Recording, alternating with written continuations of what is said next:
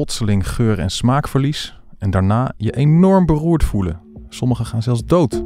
Allemaal mensen om je heen die het ook krijgen. Zelfs katten blijken ziek te worden. Klinkt bekend? Ik heb het hier niet over het coronavirus dat nu de wereld in een wurggreep houdt, maar over een geheimzinnig virus dat 130 jaar geleden over de wereld raaste. Die pandemie heeft akelig veel overeenkomsten met die van nu, dus misschien kunnen we er zelfs nog wel wat van leren. Dit is een extra editie van Ondertussen in de Kosmos, de podcast van de wetenschapsredactie van de Volkskrant. Mijn naam is Tony Mudde, chef van die wetenschapsredactie. En ik zit hier met Maarten Keulemans, die al decennia lang over virussen schrijft en het huidige coronavirus ook al vanaf het begin verslaat. Maarten, je meeste artikelen gaan over nieuwe inzichten over het huidige virus. Maar nu ineens raakte je gebiologeerd, geobsedeerd mag ik wel bijna zeggen, door een virus uit 1890. Ja. Hoe begon dat ineens? heel gek verhaal. Ik kwam het een beetje toevallig op het spoor toen ik gewoon in een van de vele uh, wetenschappelijke artikelen die ik uh, las over, uh, over coronavirussen, las ik ineens de theorie dat er in 1890 is er een pandemie geweest, een, een wereldwijde uitbraak. Mm -hmm. En dat dat virus misschien ook een coronavirus is geweest. Je moet namelijk weten, we hebben mensen die hebben al coronavirussen. dit, dat zijn verkoudheidsvirussen. Ja. Die hebben dan echt ja, obscure laboratoriumnamen. OC43, 229E, NL63, dat soort codenamen. En dat zijn virussen waarvan we verkouden worden. Alleen sommige mensen die worden er wat zieker van, maar meestal zijn het gewoon, is dat niet meer dan een verkoudheid. En die virussen die zijn ooit ook voor het eerst in de mens gekomen. En misschien is dat wel eens een keertje gegaan met een, ja, met een uitbraak, met een wereldwijde uitbraak zoals we die nu meemaken. En uh, nou ja, uh, Mark van Ranst, een Belgische onderzoeker, die heeft dus in 2005 heeft hij, uh, onderzoek gedaan naar een van die coronavirussen, OC43. Mm -hmm. En hij is de stamboom gaan onderzoeken van het virus. En toen kwam hij erop uit van, ja, wacht eens even, dat virus is rond 1890 is het overgesprongen op de, op de mens. Toen is het van de dierwereld naar de mens gekomen. Ja. En ja, warempel, 1890 is er inderdaad een, uh, een pandemie geweest, een pandemische wereldwijde uitbraak. Dus vandaar die theorie van, zou dat misschien niet een coronavirus kunnen zijn geweest? En dat zag je dan ook terug in, in krantenartikelen, van dat mensen, uh, dat journalisten destijds aan het opschrijven waren van, kijk, uh, iedereen is ziek aan het worden, wat is hier aan de hand? Of? Ja, weet je, het grappige is, het was inderdaad, het, het was een virus, het was een pandemie. Men dacht in die tijd dat het de influenza was, de griep. Mm -hmm. En uh, uh, heel leuk, als ik, ben, ik, ben, ik ben er dus ook een beetje nou ja, geobsedeerd door geraakt, mag ik wel zeggen. Want ik ben toen gewoon eens in de oude krantenarchief gaan kijken. Dat is mooi van deze tijd. Hè. Je kan op delver.nl met ph, kun je oude kranten opzoeken. En ook kranten uit 1890. Dus ik ben gewoon eens in die oude kranten gaan lezen. Nou ja, en wat ik daar tegenkwam, dat was eigenlijk een, een ziekte die helemaal niet zo heel erg als de griep uh, eruit zag. Het zag er echt heel anders uit. Het was een heel ander soort, uh, soort uh, ziekte. Ik, ik, heb, ik heb wat citaten bij me. Zal ik, ik je gewoon eens eventjes wat voorlezen? Ja, graag. Dan begin ik trouwens al met een citaat. Dat is in, in het Engels, uh, waarin de ziekte wordt beschreven. Dat mm -hmm. in het British Medical Journal is in, uh, in die tijd ook een uh, verslag verschenen. En dat is waarschijnlijk het eerste verslag wat van die ziekte is, is verschenen. Hit me. Hit me. Ja. the symptoms met with were acute headache, backache, orbit ache and limb ache appearing suddenly. At times becoming agonizing in its intensity, with fever rising in the first, second and third day respectively. Dus begin met vreselijke pijn. Dat is al iets wat, nou ja, heel gek eigenlijk. Dat is met, met gewone griep is dat niet. Wat hij dan verder gaat, uh, en dan komt er iets heel opvallends. Zegt hij van, um, uh, in about half the cases on the second day, the face and neck were involved in a red rash, een rode uitslag. Ja. Uh, on the third day, there was observed a mottling of the skin of the back. Dus je, je, je huid gaat een beetje, een beetje rimpelen en opzetten. On the third day, the patient's chest, abdomen and back were covered with a profuse compound rash. Dus uitslag, rode uitslag. Dat is echt iets wat bij griep helemaal niet, uh, niet voorkomt. Nee. Hij noemt dan nog allemaal andere symptomen. Uh, loss of taste for a few days. Nou, dat is iets wat je nu met het nieuwe virus ook ziet. Dat klinkt bekend, ja. Soreness here and there.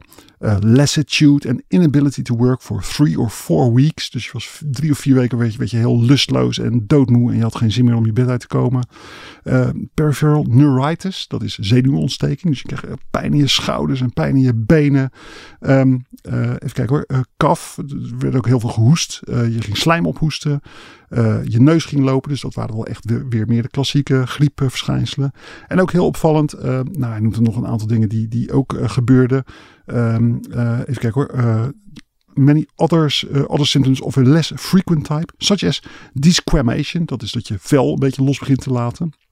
Return of feverishness at intervals of a week. Heel kenmerkend voor een virusziekte. Dat de koorts weg is en dan weer terugkomt. Dat zie je nu met corona ook. Uh, diabetes, diabetes, ik weet niet precies wat het is. Ja. Jaundice, dat is geelzucht.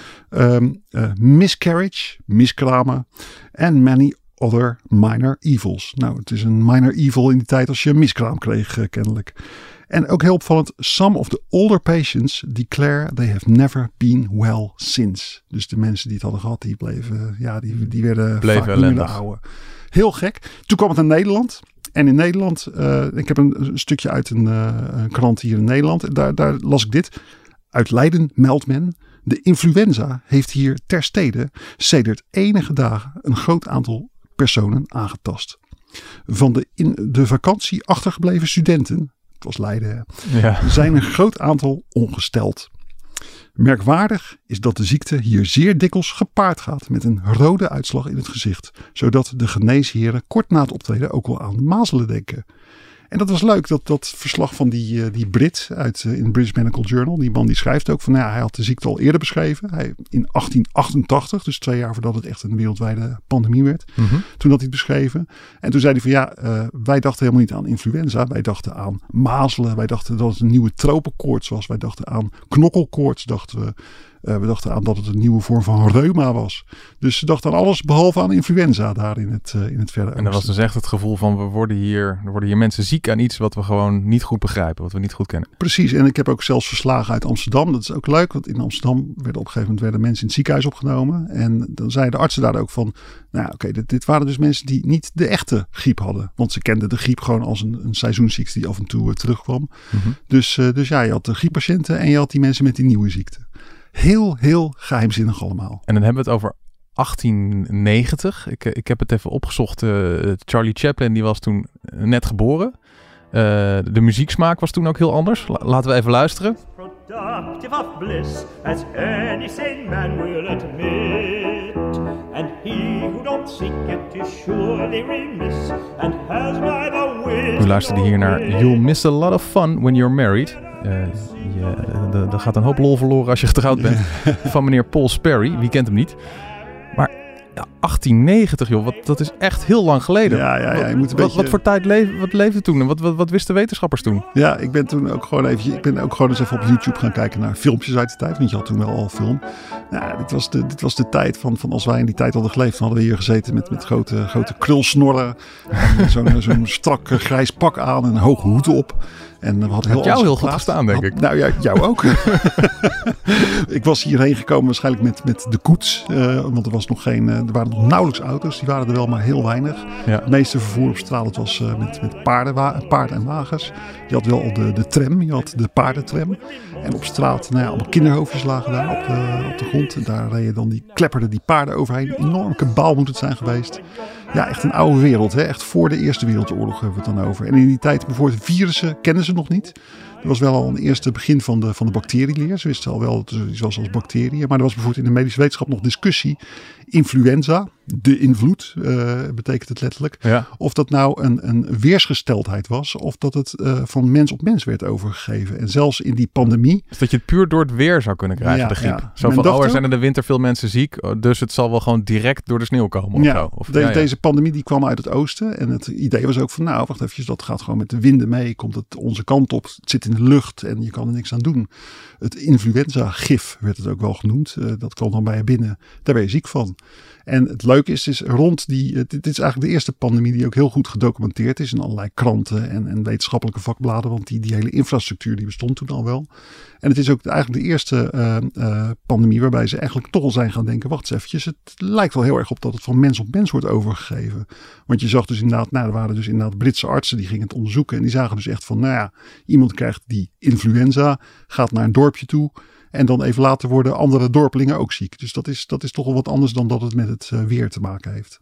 En, en uh, ik bedoel, nu was op een gegeven moment met het huidige coronavirus, nou ja, dan hadden ze een soort genetische analyse gedaan en dan wisten ze van dit is het. Maar dat konden ze toen toch ook helemaal niet? Ze hadden nog geen idee dat er zoiets was als genetica, dat, dat uh, DNA bestaat, dat, dat wisten ze allemaal nog niet. Ze wisten wel dat er cellen waren, maar bijvoorbeeld dat virussen kleine deeltjes zijn die zich uh, ja, van mens op mens verspreiden, dat, dat wisten ze allemaal nog niet.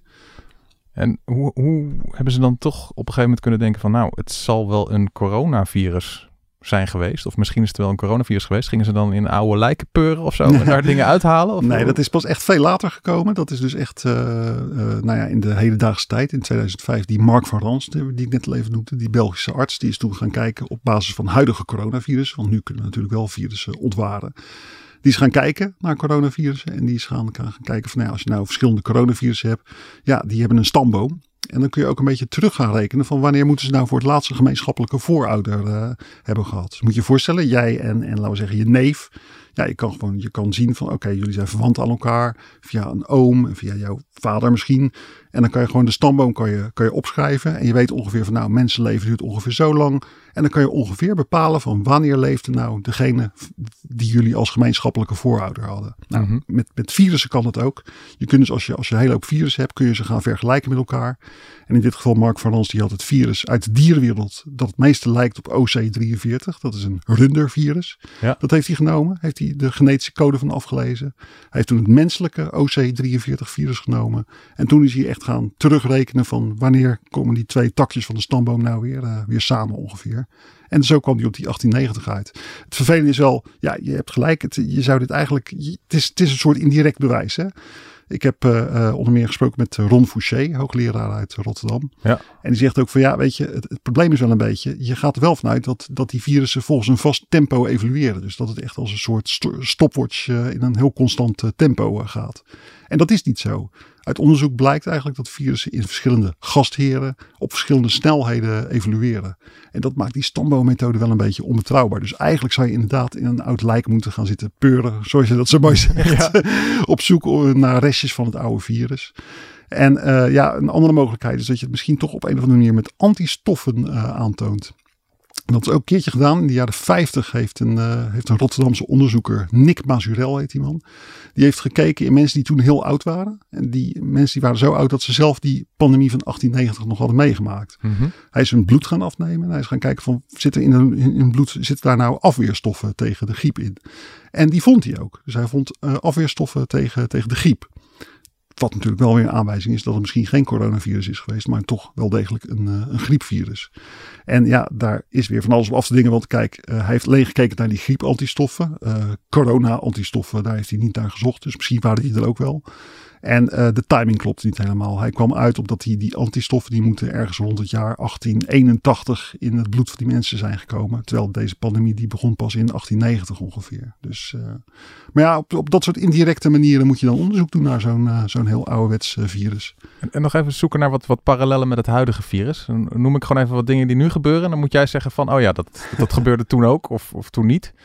Eh, wat je nu zag is dat, nou ja, dan hoor je eerst een bericht zo van, nou, ergens in een land hier ver vandaan is iets vreselijks aan de hand. En dan eh, zeiden alle gezondheidsdiensten hier, zeiden van, nou, ah, gaat wel loslopen. Dat zal iets lokaals zijn waar wij geen last van krijgen. Zag je dat toen ook? Ja, zeker. Dat is heel leuk. Die, die parallel zie je ook. Dat is de eerste reflex, gewoon standaard. Ja, het begon zo, je moet je je voorstellen, het was zo, na 1888 was het in Azië aanwezig. Toen breidde het zich langzaam uit. In de loop van 1889 kwam het in Rusland terecht. En toen kwam het hier ook in de kranten staan, de Russische griep. Nou, daar kwamen hier allemaal verhalen van mensen die eh, de half Sint-Petersburg lag ziek in bed, dat soort eh, dingen. En iedereen had zoiets van, ach ja, nou ja, weet je, het is ook maar een griepje. En ach, het is heel ver weg, hè, dat Rusland. Sterker nog, ik heb een krant gelezen waar ze echt zeiden van, nou ja, weet je, dat komt omdat die Russen, die hebben gewoon niet zo'n goede hygiëne. Oh, ja. Wij hebben hele goede hygiëne, dus bij ons zal het allemaal wel loslopen. Die griep die gaat ons niet, eh, die gaat ons niet bereiken. Ja, zoals het bij ons ook was. Ja, oké, dat gebeurt daar. Maar wij hebben fantastische GGD's. Precies, precies. Ja, dus wij houden dat heel snel onder Een controle. paar dagen later kregen wij hier ook de eerste gevallen. En eh, nou ja, daarna gingen ook de doden vallen. En dan zie je dus ook de kranten allemaal gaan, gaan schrijven van... nou ja, we dachten in het begin dat het wel mee zou vallen. Maar dat is niet zo. Het is niet een normaal griepje. Het is Ja. heel heftig. Ja. En, en nog eentje van wat je nu ook ziet is eh, ja, een soort, eh, ja, logisch ook, maar een, een wanhoopstocht, wanhoopszoektocht naar een medicijn. Zo van, laat hier in hemelsnaam snel iets voorkomen. Ja. Eh, daarbij worden heel veel eh, bochten afgesneden. Ik bedoel, meneer Trump en anderen die zeggen soms zelfs al van neem chloroquine. Ook al zeggen wetenschappers van nou, daar zijn we nog helemaal niet uit en we denken zelfs dat het onverstandig is. Ja, ja. Zag je dat toen ook? was toen precies hetzelfde. Ook alweer hetzelfde, ja.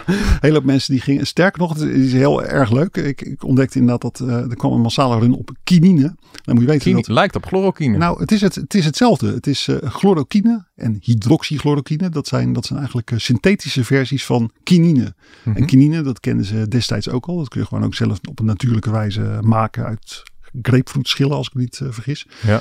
En eh, nou, in die tijd dacht iedereen van, nou ja, kinine, dat gaat ons, dat gaat ons helpen. Terwijl de artsen zeiden van, ja, maar wacht nou even, daar is helemaal geen bewijs voor dat kinine echt, echt werkt. Dus eigenlijk een soort, soort, soort schaduw van die discussie die we vandaag hebben, die zag je toen ook. Ik heb ook een hele leuke spotprint nog ergens eh, gezien uit, uit Frankrijk. En dan zie je echt een doodzieke grieppatiënt. Die zie je zo eh, in, in zijn, met zo'n zo'n klassieke slaapmuts op. Ja. Die zie je dan staan. En om hem heen dansen allemaal artsen en apothekers. Het heet dan ook de dans van de artsen en de apothekers. Oh ja. En een van die apothekers die heeft eh, twee, twee bevallige dames bij zich. Twee dames van plezier, twee, twee hoertjes. En die ene die heet Pirine geloof ik. En die andere heet Kinine. Dus dat zijn Oh ja. dan de, de, de nepgeneesmiddeltjes van die tijd zeg maar. Het zijn echt wel een hoop parallellen, zeg. ja. En- En, wat, als ik er nog eentje mag noemen, ja, Mhm. de samenzweringstheorieën. Dat vond ik, eh, daar moest ik echt heel hard om lachen. Die waren toen ook al. Nou ja, je hebt nu natuurlijk, nou, berucht hè. Dat het een Mensen- Russisch eh, runderlab was, waar het allemaal eh, begonnen was. Nee, dat niet. Nee. Maar wat je nu bijvoorbeeld hebt is, eh, nou ja, je hebt mensen die geloven dat het eh, door het 5G-netwerk komt. Hè? Het 5G-netwerk Ja, heeft eh, van de mobiele telefoons. Ja, heeft het, Ja. eh, de ziekte in de kaart gespeeld. Nou, ik moest er meteen aan denken toen ik dit las. Ik ga het eventjes voorlezen. Dat was een, een stukje over eh, de influenza en elektriciteit. Ehm, ehm, de vraag is gerezen. Dus uit- dit is uit de oude krant wat ik nu voorlees. De vraag is gerezen. ehm, eh, oefent de elektriciteit invloed uit op influenza? En een opmerker die de loop der heersende influenza heeft nagegaan, beantwoordt deze vraag bevestigend. Hij heeft waargenomen dat de ziekte meer uitgebreid en kwaadaardiger is eh, in van de zeekusten verwijderde streken, waar geen frisse winden waaien om de vergiftigde lucht te neutraliseren, zijnde de infectie het gevolg van het steeds toenemend verbruik van kunstmatige elektriciteit. Hij meent dat Londen in mindere mate door de ziekte geteisterd wordt dan andere grote steden op het vasteland. En wel omdat in de hoofdstad van Engeland van de elektriciteit vooralsnog slechts matig gebruik wordt gemaakt. Zo, nou jij weer. De, de, de nieuwe technologie wordt er meteen binnen een paar dagen de, de, de schuld in de schoenen geschoven. Ja. ja, fascinerend dat mensen toen ook al zo dachten. Ik snap het ook. Ja, weet je, het is ook. Er komt iets nieuws en gevaarlijks. En je Ja. denkt, wat is dat? En er is iets anders nieuws wat je niet helemaal begrijpt. Dat moet iets met elkaar te maken hebben. Precies. Zo'n soort redenering. Precies. En het is ook nog eens een keertje zo dat er zijn allerlei theorieën over, eh, over hoe dat werkt met, met, met als het onzichtbaar is, als het overal aanwezig, je kunt het niet echt vastpakken, dan vinden mensen het enger. Eh, en dat is natuurlijk met, met krachtvelden, met straling, met, met elektriciteit is dat heel erg aan de orde. Kan Dus ook dat- gewoon heel eng zijn. Het is ook heel eng. Je moet niet je vingers in het stopcontact steken. Nee. Maar of je er nou deze ziekte, deze geheimzinnige ziekte van krijgt, dat, eh, dat waag ik toch te betwijfelen. En eh, ja, En, en, mag, Ja? en sorry, ja, Ja? ik, ik, Oké, nog ik, ik ga helemaal los hoor. Sorry ja. Tony, ik kan niet helpen. Ik ben heel enthousiast hierover, omdat ik in al die oude kranten zulke leuke dingen tegenkwam. Nog één parallel is, ja, weet je, de, het algehele onbehagen. Wat je nu ook hebt, dat mensen elkaar een beetje aankijken van, get, wie heeft nou de ziekte en wie niet. mhm. Ik, ik ga daar gewoon nog een stukje van voorlezen, want het is zo leuk. ja? Dit las ik ook in een krant. Ehm, wie tegenwoordig in een tram luide hoest, loopt gevaar om door de conducteur op eenstemmig bevel van de andere passagiers uit de wagen gezet te worden. De huurkoetsier weigert met een beroep op de politieverordening ieder op te nemen wiens stem maar hees klinkt. Een zwakke toespeling op de omstandigheid dat in een winkel een van de verkopers ziek is geworden, zou alle klanten verjagen. En mensen met bijzonder prikkelbare zenuwen nemen aan geen diner deel als zij vermoeden dat het door hoestende mensen is toebereid. Nou, dit lijkt gewoon Geweldig, hè? exact onze kantoortuin op de redactie. Waar het nu natuurlijk hartstikke rustig is. Als je één iemand in de hoek hoort niezen, dan zie je echt de rest zo omkijken van het zal toch niet. Ja, precies, precies. Ja. Het deed mij overigens ook meteen beseffen dat dus die, die theorie dat je, dat je het van elkaar kon krijgen, dat die toch al behoorlijk eh, tussen de oren van de mensen zat.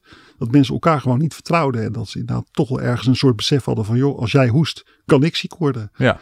Dus Ze is, wisten eh, nog niks van virussen in detail, maar dat besef was, dat er, is, was eh, er al wel. Ja, ja.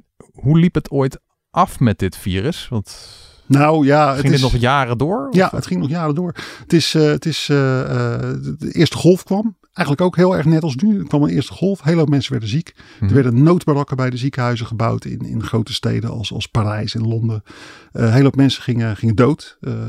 Een heel klein percentage overigens. Maar omdat iedereen, heel veel mensen kregen die ziekte. En dan is dat kleine percentage, dat vertaalt zich gewoon naar best wel veel mensen. We hebben het over miljoenen. Er, zijn, er is een schatting, ik heb gelezen, gelezen 1 miljoen. En Mark van Rans die zei mij dat hij ook schattingen kende van dat er 10 miljoen mensen aan zijn dood gegaan. Dus dat is echt behoorlijk veel. Ja. Er wonen natuurlijk ook minder mensen hè, op, de, op de planeet. Ja. Eh, dus nou ja, vreselijk, ziekte. eh, die, eh, dat is toen, het jaar 1890 is dat eigenlijk een beetje doorgegaan. Die griep die was eigenlijk de hele tijd wel ergens aanwezig in een of ander land. En kwam dan weer terug, ging weer een beetje weg. Kwam weer terug, ging weer een beetje weg. Nou, toen was het even rustig. 1891 kwam die weer. Kwam die, ik geloof in 1892 in de winter kwam die weer. 1893 kwam die weer. Zij is een aantal keer gewoon teruggekomen. Maar wel in steeds minder heftige golven. Dus het werd steeds meer een normaal griepje. En tot, dat is zo doorgegaan tot 1895 ongeveer. Toen is het echt voor de laatste keer dat je echt merkt van... oh ja, er is wel echt een iets eh, verhoogde sterfte aan, eh, aan de griep. En toen was het eigenlijk wel klaar. Wat ermee gebeurd is, niemand die het weet. Eh, Mhm. Het zou kunnen dat hij gewoon toen is verdrongen door andere ziektekiemen. Eh, dat zou kunnen. Eh, zeker als het een influenza is, zou dat kunnen. Ja, en die theorie van Mark van Rans is natuurlijk van ja, stel nou dat het inderdaad een coronavirus is geweest. Het zou best wel eens kunnen dat hij dan gewoon is veranderd geleidelijk in een minder erge ziektekiem. Dus dat wij, wij ons systeem eens een beetje gaan Want dat doen aanpassen. heel veel van die coronavirussen. Ze, Ja. ze beginnen heel erg en op een gegeven moment is het iets waar je alleen nog maar een snotneus van krijgt. Ja, dat heet dan virus-gastheer-interactie, zoals dat heet. Ja. Gaandeweg wordt zo'n virus gaat zich wat meer aanpassen aan de gastheer. Maakt zo'n gastheer minder ziek. Je moet bedenken, zo'n virus heeft er niks aan om jou doodziek te maken. Zo'n virus wil maar één ding. Het wil eigenlijk dat jij kerngezond de straat op gaat en het virus doorgeeft aan, aan andere mensen. Mhm. Dus, eh, dus het virus wordt wat minder heftig. Eh, als gastheer leer je ook. Je, als gastheer evolueer je ook. Je gaat, niet, eh, je gaat, eh, gaat minder snel dood. Je wordt minder ziek van. En gaandeweg zou dat virus zich dus hebben ontwikkeld tot, nou ja, zoals we hem nu kennen, een, een hoestverkoudheid. Het is een van de stevigere verkoudheden die je kunt krijgen van OC43. Die kan je nu nog steeds krijgen. Je kunt het nog steeds krijgen, zeker. ja. Wij hebben hem misschien al gehad zelfs. Iets van 9 tot 10 procent van de, van de mensen eh, die, eh, die hebben, ik zeg het verkeerd, sorry, iets van 9 tot 10 procent van de verkoudheden, die komt door OC43. En het is de verkoudheid, heb ik me laten vertellen, die zich kenmerkt door heel veel eh, gehoest, gekuch, drooghoest, kriebelhoest. Mhm. Dat is echt een OC43 verkoudheid, waarbij je ook nog wel eens een beetje verhoging kan krijgen. Hoor. Het is niet zo dat je er helemaal niet meer ziek van wordt. Maar echt die, die nare, een, een nare hoestverkoudheid waarmee je echt helemaal niet lekker voelt. Dat is OC43. En het zou ook niet zo kunnen zijn dat in die, in die vijf jaar dat dit virus nog flink toesloeg op de wereld, dat op dat moment op een gegeven moment een beetje groepsimmuniteit was opgebouwd? ja, nee, dat, dat, dat is een hele goede. Dat is ook een hele spannende vraag eigenlijk. Van ja, eh, een van de dingen die we hiervan kunnen leren is van, van ja, dit is een virus waar je niet echt immuun voor wordt. Ja, je wordt er even immuun voor, een tijdje, aantal jaar. En daarna kun je het gewoon weer opnieuw krijgen. Hangt ook heel erg af wie je bent. Jonge mensen die, eh, die vechten het beter en die kunnen het dan ook weer sneller krijgen.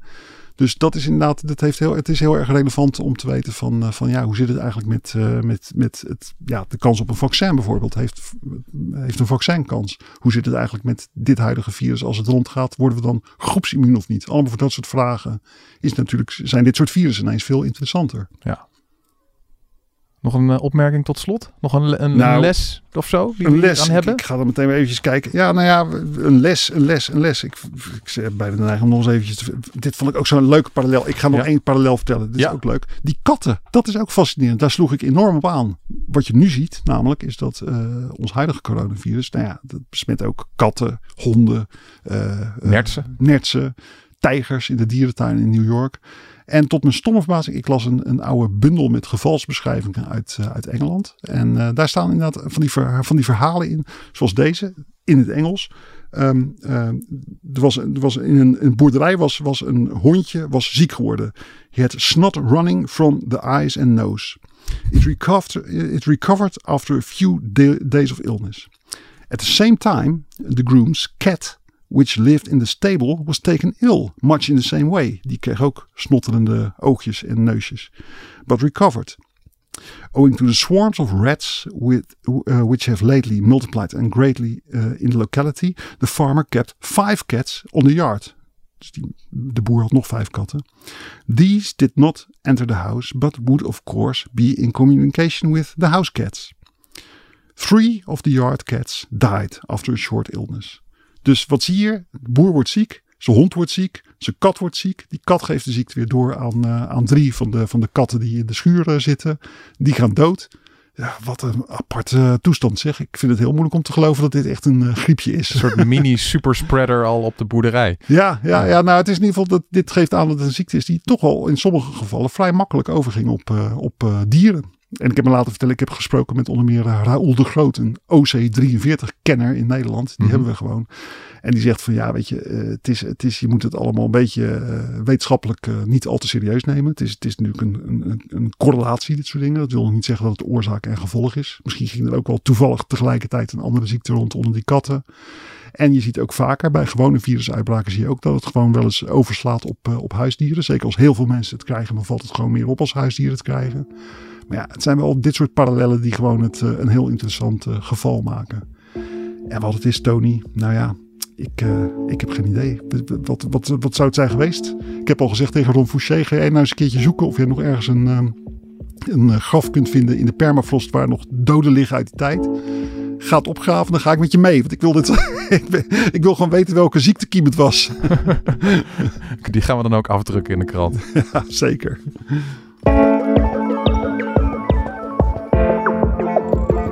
Dit was Ondertussen in de Kosmos, de podcast van de wetenschapsredactie van de Volkskrant. Hartelijk dank aan mijn gast van vandaag, Maarten Keulemans, de wetenschapsredacteur bij de Volkskrant die het coronavirus elke dag op de voet volgt en op het spoor kwam van een geheimzinnig virus uit 1890.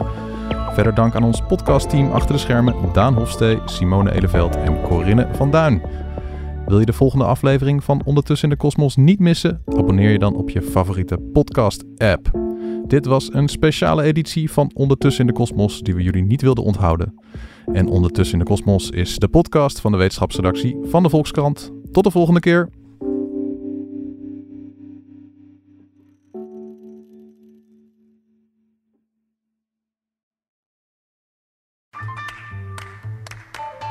Ik lees de Volkskrant omdat kennis van zaken hebben mij geruststelt.